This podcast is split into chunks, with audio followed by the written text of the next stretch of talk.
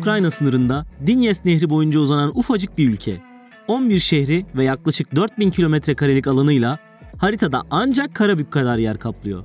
Yarım milyonu bulmayan nüfusuyla İstanbul'un orta ölçekli bir ilçesini ya da Anadolu'da küçük ölçekli bir şehri bile yakalayamıyor. Gelin sizle bugün bu boyu küçük, aşkı büyük ülkeyi konuşalım.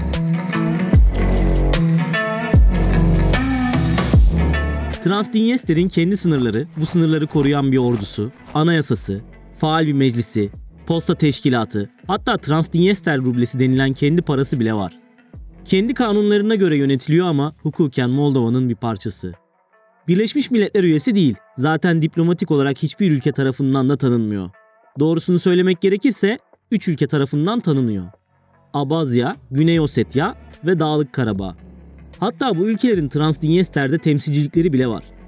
Fakat sorun şu ki bu üç ülkede birkaç ülke tarafından tanınıyor olsa bile Birleşmiş Milletler tarafından tanınmıyor. Aslında biz bu duruma yabancı değiliz. Hukuki durum Kuzey Kıbrıs Türk Cumhuriyeti'ninkinden pek farklı sayılmaz. Transdinyester pasaportunu kimse tanımadığı için nüfusun 5'te 2'si Rusya pasaportu taşıyor. Geri kalanında komşu Ukrayna ve Moldova pasaportlu. Bu şartlarda uluslararası sermaye ülkeye yatırım yapmaktan uzak duruyor. Rus desteğinden mahrum olan yerel işletmeler de faaliyetlerini sürdüremiyor. Her üç kişiden biri asker. Mecburen gençlerin çoğunluğu Rusya'da. Daha azı da Ukrayna'da çalışıyor. Frankofonlar iyi bilir. Diplomaside de facto diye bir terim vardır. Hukuki anlamındaki de teriminin zıttı olarak kullanılır ve fiili, uygulamada anlamına gelir. İşte Transdinyester'de öyle bir ülke. De facto ülke. Fiilen var, hukuken yok. Ben aslında yok. Ben aslında yaşamıyorum. Bence sen ruh hastasın.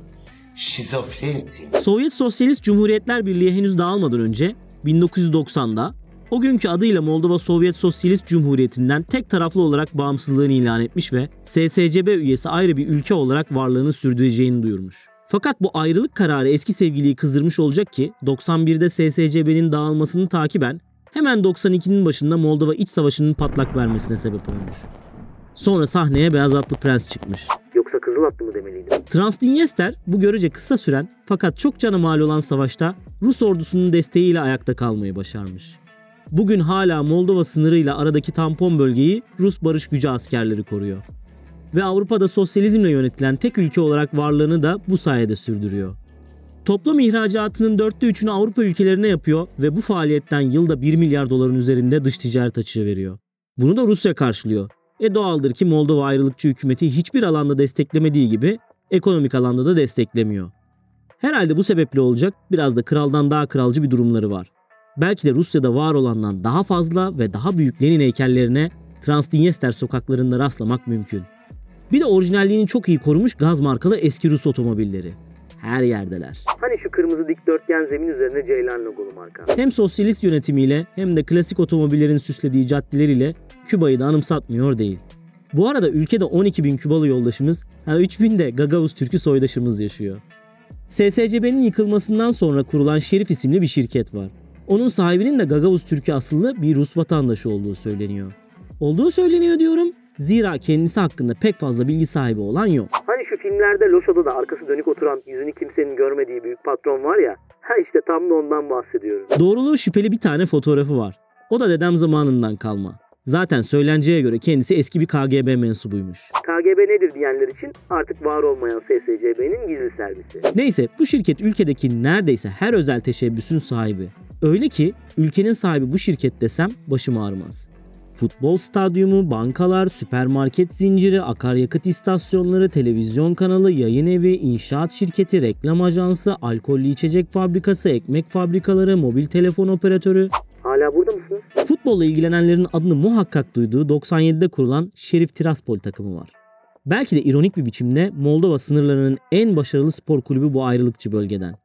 Hani UEFA Şampiyonlar Ligi grup maçlarında piyasa değeri kendinden 60 kat fazla olan Real Madrid'i, Yıldızlar Geçidi gibi kadrosuyla Benzemalı, Hazardlı, Vinicius Junior'lı Real Madrid'i deplasmanda 2-1 yenen takım var ya, işte o. Doğru bildiniz, o da bu şirkete ait. Valla Şerif'in malı mülkü bu züğürdün çenesini fena halde yordu. Biz tekrar aşktan söz edelim. Malum Avrupa'nın en fakir ama gururlu ülkesi Moldova'nın aşkı karın doyurmuyor. Moldova'nın AB ülkesi olma yolunda ilerlemesinin de payıyla küçük bir azınlık toprak bütünlüğünü savunuyor ama Rusya aşkı bir başka dostum. 2006'da bir halk oylaması yapılmış. Bağımsızlık mı Rusya'ya bağlanmak mı diye. Halkın %97'si Rusya'yı isterim demiş. İnanılır gibi değil. Rusya'nın Kırım'ı ilhak ettiği 2014 yılı hatta tam da aynı gün 18 Mart'ta Transdniester Meclis Başkanı hiç vakit kaybetmeden acele acele tüm meclis adına bizi de ilhak edin diye Rusya'ya ilan aşk mektubu yazmış. Birkaç gün sonra Dışişleri Bakanı da bu çağrıyı sözlü olarak yinelemiş. Dönemin Cumhurbaşkanı ise 2016'da Rusya'ya katılmak için sonradan başarısız olan bir kararname yayınlamış. Bu girişimlerin yıldan yıla devamı da gelmiş ama nafile. Jönümüz Rusya Transdniester'e pek yüz vermemiş. Hayır zaten ne Karadeniz'e ne de Rusya'ya sınırınız var. Araya koskoca Ukrayna girmiş. Pratikte nasıl yürür bu uzak mesafeli ilişki onu da bilemedim yani. Biliyorum bulması kolay değil ama filler tepişirken çimenlerin hali nicedir diye merak edenler için 2019 yapımı Transnistria isimli bir belgesel film var. Yalnız çok yaratıcı olmuş kanka. Bu film vasıtasıyla ülkedeki gençlerin dünyasını siz de kadın bir yönetmenin gözünden görebilirsiniz.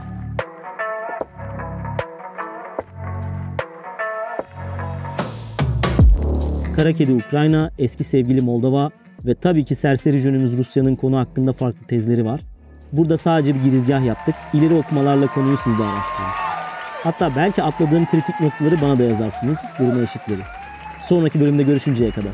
Sünger gibi kalın.